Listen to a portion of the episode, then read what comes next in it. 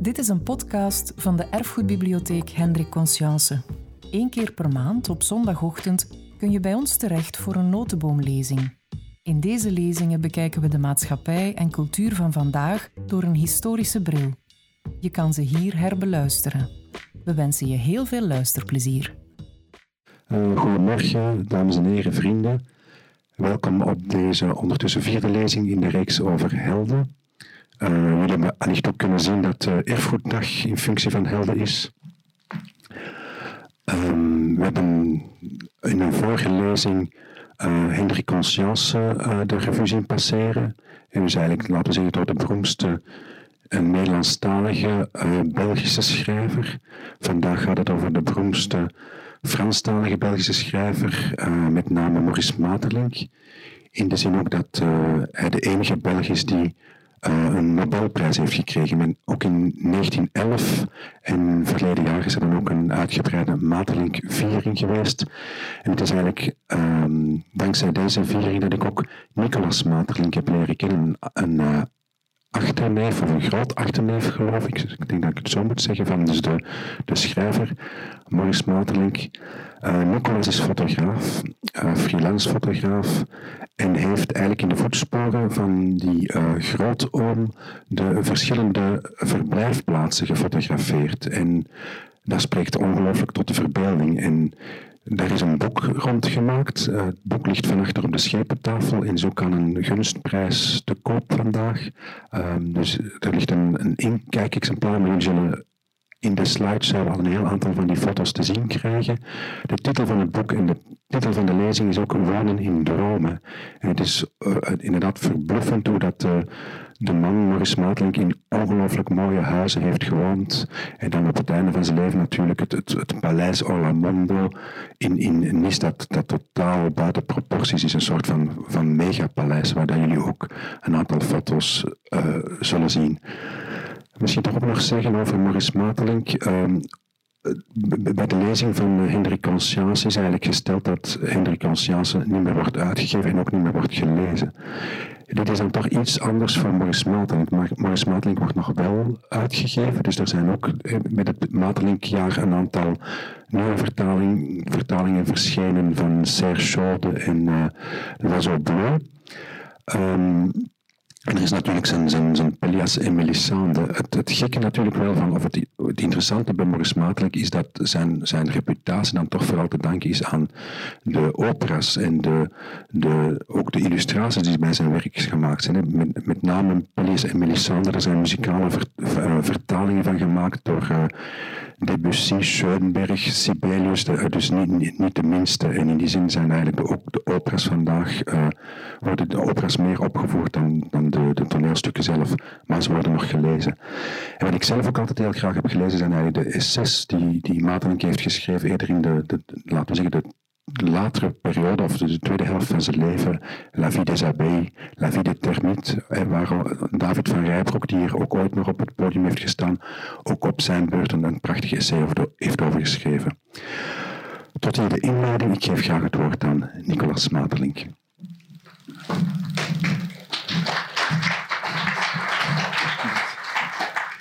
Uh, goedemiddag. Uh, bedankt om mij te ontvangen in deze prestigieuze bibliotheek, zou ik zeggen. Um, het is al zeker een mooi decor om uh, Maurice Maeterlinck in te presenteren. Uh, mijn onderzoek ging over de verblijfplaatsen van Maurice Maeterlinck. Ook om... Ja, normaal ging hier iemand de micro luider zetten ondertussen, maar... Ja. Oké. We kunnen verder doen. Er is iemand die de, het geluid luider zal zetten. Ik hoop dat iedereen mij goed hoort nu, want ik spreek niet zo heel luid. Ja. Ik denk dat dat beter is. Hè? Ja, oké, dank je. uh, dus de, het onderzoek... Ik hoor mijn eigen niet zo graag praten, dus dat is nog een probleem eigenlijk. Uh, het, uh, het onderzoek was eigenlijk ook in verband met het werk van Maurice Maeterlinck. Want uh, de, de vraag was uh, bij mij of, of dat er wel verband was tussen het werk dat hij gecreëerd heeft en de verblijfplaats waar hij gewoond heeft. En dat was uh, mijn conclusie inderdaad zo dat er wel een sterke invloed was van de verblijfplaats en het uiveren van Maurice Maeterlinck. En daarom heb ik ook uh, verder gezet en, en de fotoreportage gemaakt rond de verblijfplaatsen. Maurice Maeterlinck is geboren in Gent, 1962. Hij heeft daar een mooie jeugd gehad met zijn vader, in, die een Burgondisch leven leidde als rentenier. Uh, hier ziet u een straat in Gent waar het, de ouderlijke woning heeft gestaan. Ik geef een paar sfeerbeelden van Gent mee, omdat er in Gent geen, geen verblijfplaats of geen ouderlijke woning meer bestaat van Maurice Maeterlinck. Dus dat is een, een beeld van de Gentse Floraliën, die in die tijd ook al heel populair was. En die voor de vader van Maurice Maeterlinck een inspiratiebron was om zelf te, te te gaan tuinieren en te experimenteren in de, in de horticultuur, eh, hele wereld. Hier ziet u gewoon een, beeld van Maurice Maeterlinck jong, waarschijnlijk in Gent gefotografeerd. En daarnaast een, een tekening van Charles Daudelay, een vriend van hem, die ook illustraties heeft gemaakt bij zijn eerste uivers. Ehm, dit is in, in een, magazine, een Frans magazine verschenen. Eh, het, Oost, eh, het, landgoed van eh, vader Polydor was gelegen in Oostakker. En dat was vooral ja, een buitenverblijf, dus dat werd in de zomer veel verbleven. En Maurice Maeterlinck beschrijft het in zijn jeugdmemoires als een van zijn mooiste periodes van zijn leven. Daar heeft hij ook leren met fruit omgaan, want zijn vader was een fervent fruitveredelaar. Hij had zijn eigen passion ontwikkeld. Ook een paar, fruit, een paar appelsoorten en zo. Die nu niet meer bestaan, maar die wel, wel, wel hebben gekregen. bijen was ook een, een, hobby van zijn vader. Dat was een van de modernste bijen-imkers van de streek. Die, een van de eerste die nog in kasten begon te kweken. Terwijl dat vroeger in uh, Rietemande gebeurde. Daar rechts ziet u een, een foto van het landgoed dat, in, dat werd uitgebouwd tot een riante woning. Um, dit gebouw is nu verdwenen en op die plaats staat eigenlijk uh, de industriezone van Gent.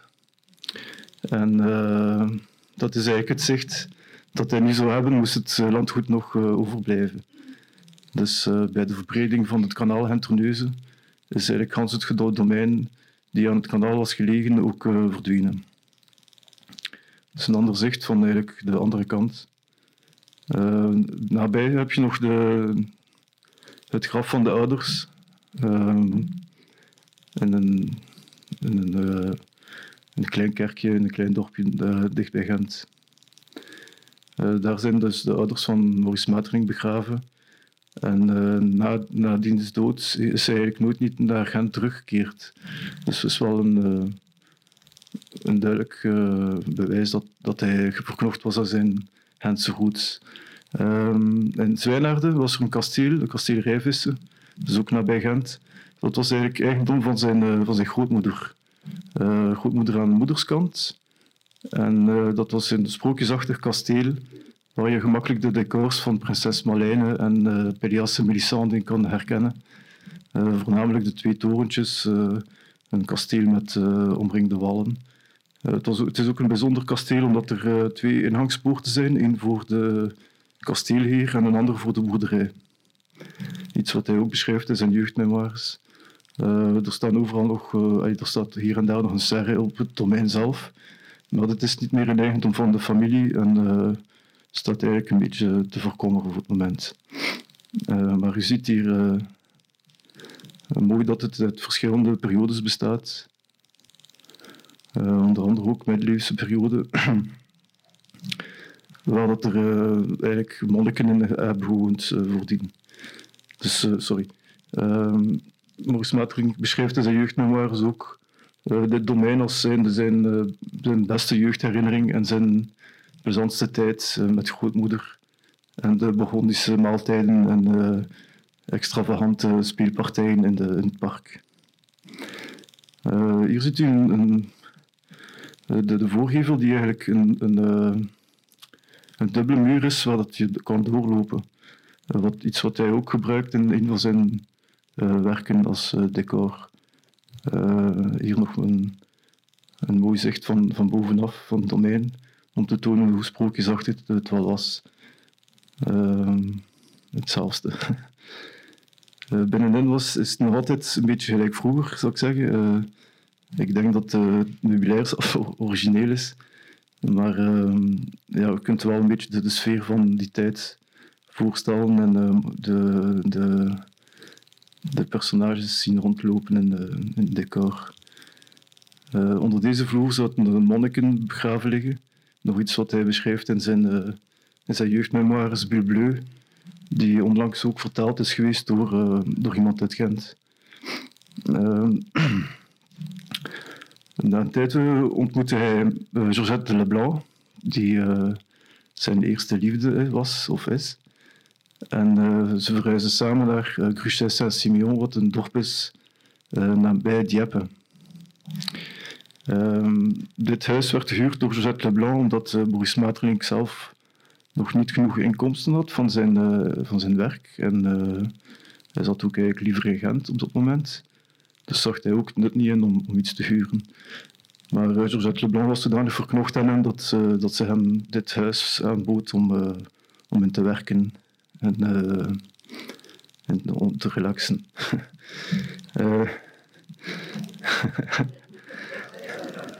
Dus dit, is een beeld van uh, hoe, het, hoe, het, vroeger was. Uh, hier heeft hij ook uh, zijn naturistisch of naturalistische essays geschreven, de, de dubbele jardin, de dubbele tuin.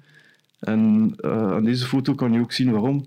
de, de tuin was eigenlijk met een palissade om, omringd, om een verschil te maken tussen de, de boomhaard en de gecultiveerde tuin.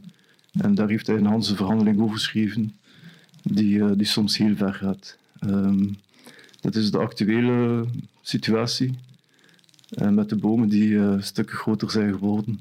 Maar de houten palissade is verdwenen ondertussen. Het is nog een beeld ook van de tijd zelf, met uh, vooraan de hond van Maurice Maeterlinck, Golo, die ook een belangrijke rol in zijn leven heeft gespeeld. En soms opduikt in verhalen van Maeterlinck. Um, de, de houten palissade is opnieuw gebruikt geweest in deze hek, in de, de, het hekwerk hier achteraan. Dus is nog het enigste overblijfsel van de dubbele tuin. Ook uh, heeft hij hier uh, het de La Vie des afgewerkt. En daarvoor, want het is hier eigenlijk dat hij de wilde bijzwerm heeft ontdekt, die hij dan later in een observatiekorf heeft gestoken, om, om dan zijn werk om zijn observaties te doen voor het, voor het beroemde werk La Vie des Abeilles. Hier heeft u een foto van hoe hij dat, hij dat, gedaan heeft en hoe hij te werk ging. Er zijn ook verslagen van, van, van de tijd van de, van de jonge kinderen die mochten meekijken in stilte terwijl Maurice Maeterlinck aan het werk was met zijn, met zijn bijzwerm. Dit zou een van de ruiten zijn waar hij die Samuel uiteindelijk gevonden heeft.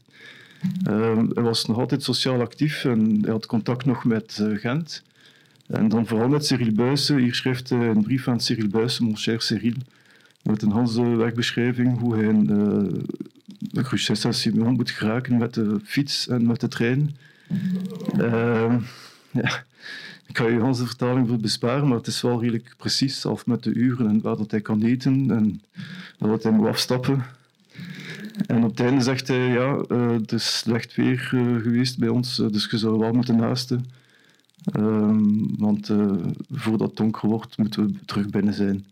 Dus ik weet niet wat die ontmoeting heeft plaatsgevonden, maar ik vond het wel een tof detail. Dus terug te vinden in het archief van Maurice Maeterlinck, van de stichting Maurice Maeterlinck Gent. Um, de abdij van Saint-André is dan de volgende stap. Er is een abdij dicht bij Rouen, uh, ook in uh, Normandië, maar dan meer de grens. Excuseer. En uh, dat was ook een uh, meisjesdroom van, van Josette Leblanc, want ze, daar, ze kende die, die streek heel goed, want ze was daar geboren in Rouen. En die abdij sprak altijd al tot haar verbeelding. En toen ze wist, of te, horen, te weten kwam dat er een dat, dat de abdij vrij stond of uh, te koop was, uh, heeft, ze, heeft ze dan uh, Maurice Materen kunnen overtuigen om, om deze abdij te huren voor een periode van 15 jaar. Um, daar zijn ook heel veel opvoeringen geweest. Allee, heel veel, twee opvoeringen met name. De opvoering Macbeth, Macbeth en uh, en Melisande. En dat was een soort uh, nouveau theateropstelling met, uh, met de abdij als decor. En de, de toeschouwers waren dan ook verkleed in de, de klederdracht van die tijd. En liepen mee met, het, met de acteurs van plaats naar plaats. En zo maakte dat een, een soort nouveau theater à l'avant la lettre. Het was ook een exclusief gegeven, want het was niet het was een heel duur uh, ticket om, om binnen te geraken. Uh, hier ziet u de voordeur, uh, de voordeur, de poort, de voorpoort van, uh, van de abdij met Georgette Leblanc op een ezel. Dat werd verkocht als postkaart. Ehm, ja, de, de, dus de abdij is nu terug bezet door monniken en die hebben, die hebben alles weer in eer hersteld. Uh, wat ik ook veel respect voor heb, want die mensen hebben mij echt heel goed ontvangen uh, op die dag. En uh, zoals u ziet, het was de eetzaal in de tijd van Maurice Maeterlinck, met nogal uh, neogotische en andere toevoegingen. En dit is de oorspronkelijke staat, dus terug in eer hersteld, zoals het was. En de, de monniken zitten nou weer in vrede. Ehm, de Vroeger was de, de, de, dus vooraan op deze foto ziet u een, een, eh, een klein riviertje. Het noemt de Fontenelle, de abdij noemt ook Saint-Mandry de Fontenelle. En uh, daar werd uh, visvangst gedaan, dus uh, dat is eigenlijk een volledig voorzienige tuin, uh, dus zelfvoorzienige tuin. De, de monniken moeten hier eigenlijk niet, geen boodschappen doen, zou ik zeggen. Dit is de de werkkamer van Maurice Maeterlinck. En dat is nog altijd dezelfde ruimte. Maar dat is nu de, de kamer van vader Abt natuurlijk. Maar uh, ja, altijd een rustige kamer om in te kunnen werken. Wat ook zijn, uh, zijn motto was om zoveel mogelijk rust te hebben en zoveel mogelijk te kunnen werken. Hier heeft u een artikel uit een magazine uh, over de presentatie, de, de, de voorstelling van Macbeth. Wat een, uh, in die tijd nogal een spectaculair gegeven was. Foto van Maurice Maeterlinck uh, aan zijn voorpoort. En een paar oude beelden. Mijn opzet was ook de tuinen te fotograferen, aangezien dat de naturalistische inslag van Maurice Maeterlinck wel een groot gegeven was. Dus de, de tuinarchitectuur werd altijd en begrepen in mijn onderzoek, ehm, omdat ik dat wel belangrijk vond. En hier ziet u dan de vissen van Saint-André. Eh, het kasteel van Medan, dus uh, vooral duidelijkheid, moet ik misschien nog vermelden dat vanaf Saint-André dat, dat, er, dat ze twee woningen hadden, dus het koppel Matrink, zowel in, in Normandië als in de Provence, in het zuiden van Frankrijk. Uh, voor reden van, eerst was het de, de, Eerste Wereldoorlog, dus ze moesten wel een klein beetje opschuiven van het front. En ten tweede was dan ook de reden omdat uh, ja, uh, altijd in de, leuke om, omgeving wou zitten. Dus uh, niet te warm in de zomer. Dus ze gingen in de zomer naar Normandië en in de winter gingen ze naar de Provence. ik ga nu even verder met de kant van Normandië, dan kunnen we direct overschakelen naar Provence.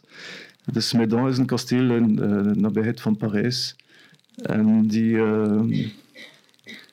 die was uh, bewoond door bekende mensen. Ik ben nu even de naam kwijt, maar er staat allemaal in boek beschreven ook.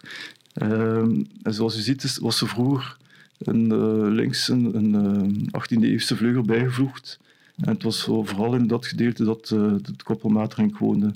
Vooral duidelijkheid, dit is nu met het koppel uh, Maurice Maeterlinck, René Daron, dus zijn echte vrouw. Uh, Josette Leblanc was, uh, ik denk tiental jaar daarvoor, was er een breuk met Josette Leblanc en heeft hij een nieuwe relatie verder gezet met deze vrouw. Um, in die ruimtes, dus nu is het zonder die 18e-eeuwse vleugel, dus de huidige eigenaars hebben ook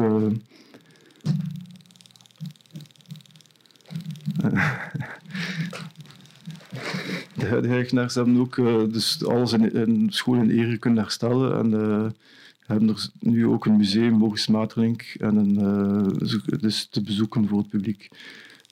hier ziet u dus de vergelijking, want dat vond ik wel tof om te doen, de, foto's van vroeger te vergelijken met de foto's van nu. En ook het, het parkgedeelte was veel groter dan, nu, dan dat het nu eigenlijk is. Veel stukken zijn verkaveld achteraan. En uh, er was nog een, een bos van 7 hectare rond. vroeger was het ook een jachtpaviljoen van de, van de Franse koningen. Dus, dus ook logisch dat er veel bossen, want er is een connectie met het bos van Versailles daar. Um, ja, zoals ik zei, een neer hersteld en ook een middeleeuws dit is een glasraam van, uh, van, die, die, ook oorspronkelijk in het huis was verwerkt. En van, dit is een gekooide blauwe vogel, iets wat heel speciaal is en waar ook een bijzonder verhaal aan, verbonden is. In, die zin dat het een uh, geschenk was van de vrouw, mevrouw Materlink aan haar buurvrouw voor bewezen diensten. En de huidige eigenaars hebben die buurvrouw later ontmoet, in de jaren tachtig denk ik. En dat glaskraampje dan ontdekt op de schouw van die mevrouw. En die mevrouw heeft dat dan ook teruggeschonken bij haar overlijden. Uh, met de voorwaarde dat het altijd in de kasteel zou blijven. Dus het heeft wel een lange weg afgelegd, maar het is nog altijd terug. Voor ons wel een speciaal gegeven. Hier ziet u een oude foto van de tijd met het uh, glasraam. Uh, de voorstelling van het glasraam, de, de, vogel die erop staat, zou een Vlaamse gaai zijn. Dus dat is ook wel een, een tof detail, vind ik. Uh, in die 18e-eeuwse vleugel uh, was er een grote zaal, zoals u ziet, en, en een kleine wintertuin achteraan, wat minder duidelijk is. En de, de diende ook als, uh, als privétheater, dus waren privévoorstellingen in opgevoerd. Aangezien René Daon, de vrouw van Maurice Materlink, Ehm, ook actrice was. Uh, je ziet dan ook de, de versiering met de blauwe vogel, gordijnen en zo. Dus alles was wel gericht naar het werk van Maurice Matering. Dit is uh, zijn werkkamer in het oude gedeelte dan. Zoals u ziet, weer dezelfde stijlen, nogal wel mooi opgeruimd wel, maar ik denk dat hij daar wel op zijn gemak zat. De huidige eigenaars hebben ook een blauwe vogel, maar ze hebben gekozen voor de pauw. Um, is opnieuw Maurice Maartring met een van zijn honden. Ik dacht Melisande, een Afghaanse windhond. En ook een van de, de beesten, zou ik maar zeggen, die, waar hij over spreekt in zijn, uh, een van zijn werken, Nochien noemt hij, denk ik. Daar beschrijft hij al zijn honden in, voor de hondenliefhebbers onder jullie. Um, dan gaan we over naar uh, de Provence. In Provence zijn er verschillende woningen en er zijn er ook een paar die ik echt niet gevonden heb. Dus uh, mijn excuus, maar die zijn gewoon verdwenen of niet te fotograferen. De eerste woning was in Gras, dat is het beruchte parfumdorpje. Uh, en dat was eigenlijk de enige foto waar ik kon op afgaan. Uh, aan de hand van die foto ben ik dan via de gemeentelijke diensten tot bij dit gebouw geraakt. En het was ook duidelijk dat het over deze woning ging, maar ja, het was eigenlijk onherkenbaar, zeker als je het met de oude foto's vergelijkt. Uh, ondertussen was het een, ook een horticulturele school geweest en ze waren dat, op dat moment, en dat was in 2006, aan het verbouwen uh, tot een, een kindercrèche, zou ik maar zeggen, maar een, grote kindercrèche. ik heb me dan ook maar een beetje gefocust op de bloemen die er nog waren. Ehm, er wordt ook gezegd dat hij uh, zijn schrijfbureau had in een gebouwtje achteraan de tuin. Dus ik nam aan dat dat dit zou moeten geweest zijn, of dat een beetje donker is. Maar zoals gezegd is veel veranderd. Uh, dat is weer een postkaart van, aan Cyril Leblanc, van uh, Georgette Leblanc. Uh, Cyril Buijsen, sorry aan Josette Leblanc om hem uit te nodigen naar Gras te komen. En ze herinnert hem ook aan zijn, aan zijn belofte. Ehm, deze reis is ook beschreven geweest door Cyril Buijsen in zijn latere autoverhalen of reisverhalen. en daar beschrijven ze dus ook dat ze dat ze de, de finale versie van de, de Blauwe Vogel voorlezen tot stukken in de nacht. En dat is blijkbaar al bijgebleven. Uh, hier nogmaals het gebouw, juist om te tonen dat het wel dat gebouw is. Uh, dit is niet wel direct moeilijk, maar uh, dit is eigenlijk een foto van Maurice Maeterlinck voor, zijn, voor, voor de hevel van de, um, Quatre noemde dat. Uh, een ander huis was uh, La Villa des Abeilles. Uh, dit is de enige illustratie die wij hebben in, in het archief Maurice Maeterlinck. En dat is een, een aquarel van Roux. Roux Champion, die, die wel bekend is. En zijn, denk, zijn broer heeft La Guerre du Feu geschreven. en dat, was, dat waren nogal ja, uh, zonderlingen en die woonden ook dicht bij Gras. Maar die waren grote fan van Maurice Maeterlinck en die hebben dit opgestuurd uh, ter herkenning. En het zou een Boorse stijl uh, woning geweest zijn. vandaar dat deze foto ook in deze reeks zit. Dat is ook opnieuw Maurice Maeterlinck in zijn, ding, in zijn, zijn hof.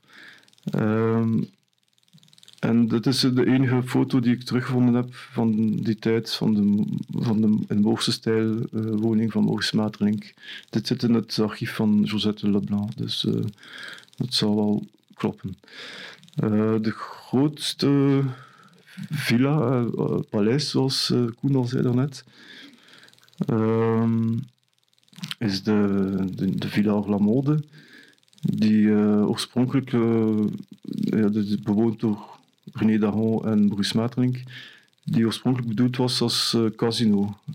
Dus um, de, de, de vorige eigenaar wilde er een casino in uitbaten, maar de, er was een exclusiviteit beloofd aan iemand anders en dat project is dan eigenlijk af, afgesprongen. Maurice Maeterlinck heeft dan de ruwbouw opgekocht om, om het dan te transformeren naar zijn goesting en uh, om er een paleis van te maken. Ook uh, als, voor hem dan een beetje als, als eerbetoon aan zijn uh, personages die hem dan ook beroemd gemaakt hebben. Ehm, de, de, de, het ligt aan, Mediterranee, dus aan de Mediterraanse Zee. En ehm, er was ook een wandelpad, zoals u links ziet, zo, die, die slingerde eigenlijk langs de kliffen tot boven, ehm, langs, zijn, langs zijn woning.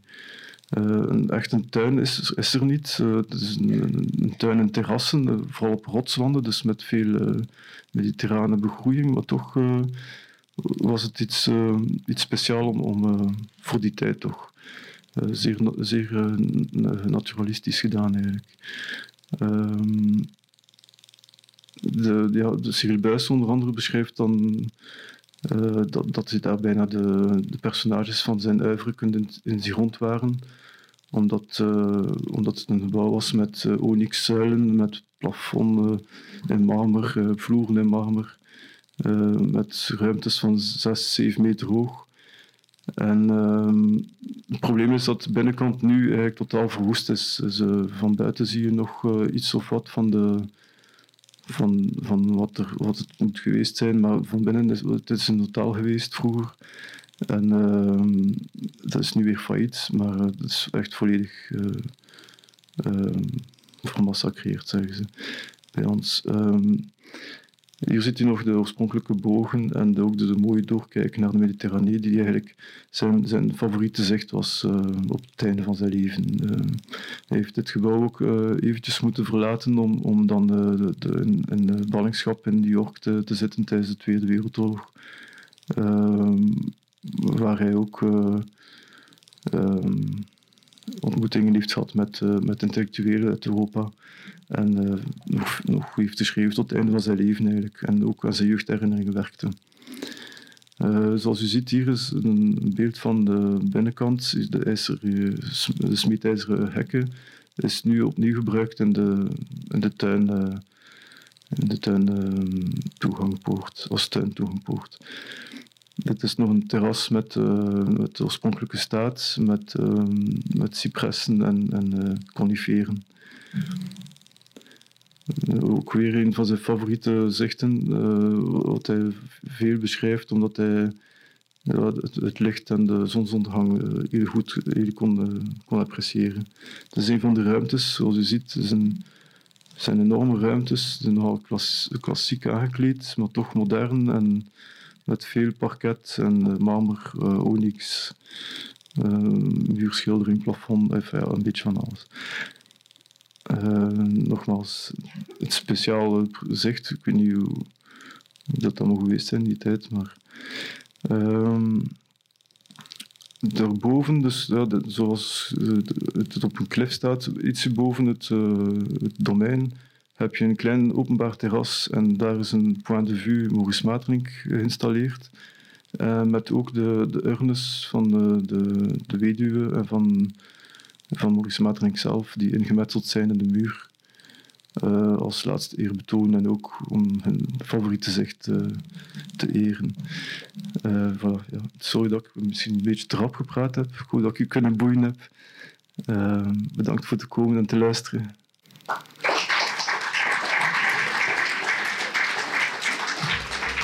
Je luisterde naar een podcast van de Erfgoedbibliotheek Hendrik Conscience. Wil je nog een andere lezing beluisteren? Ga dan naar www.consciencebibliotheek.be-herbeluister.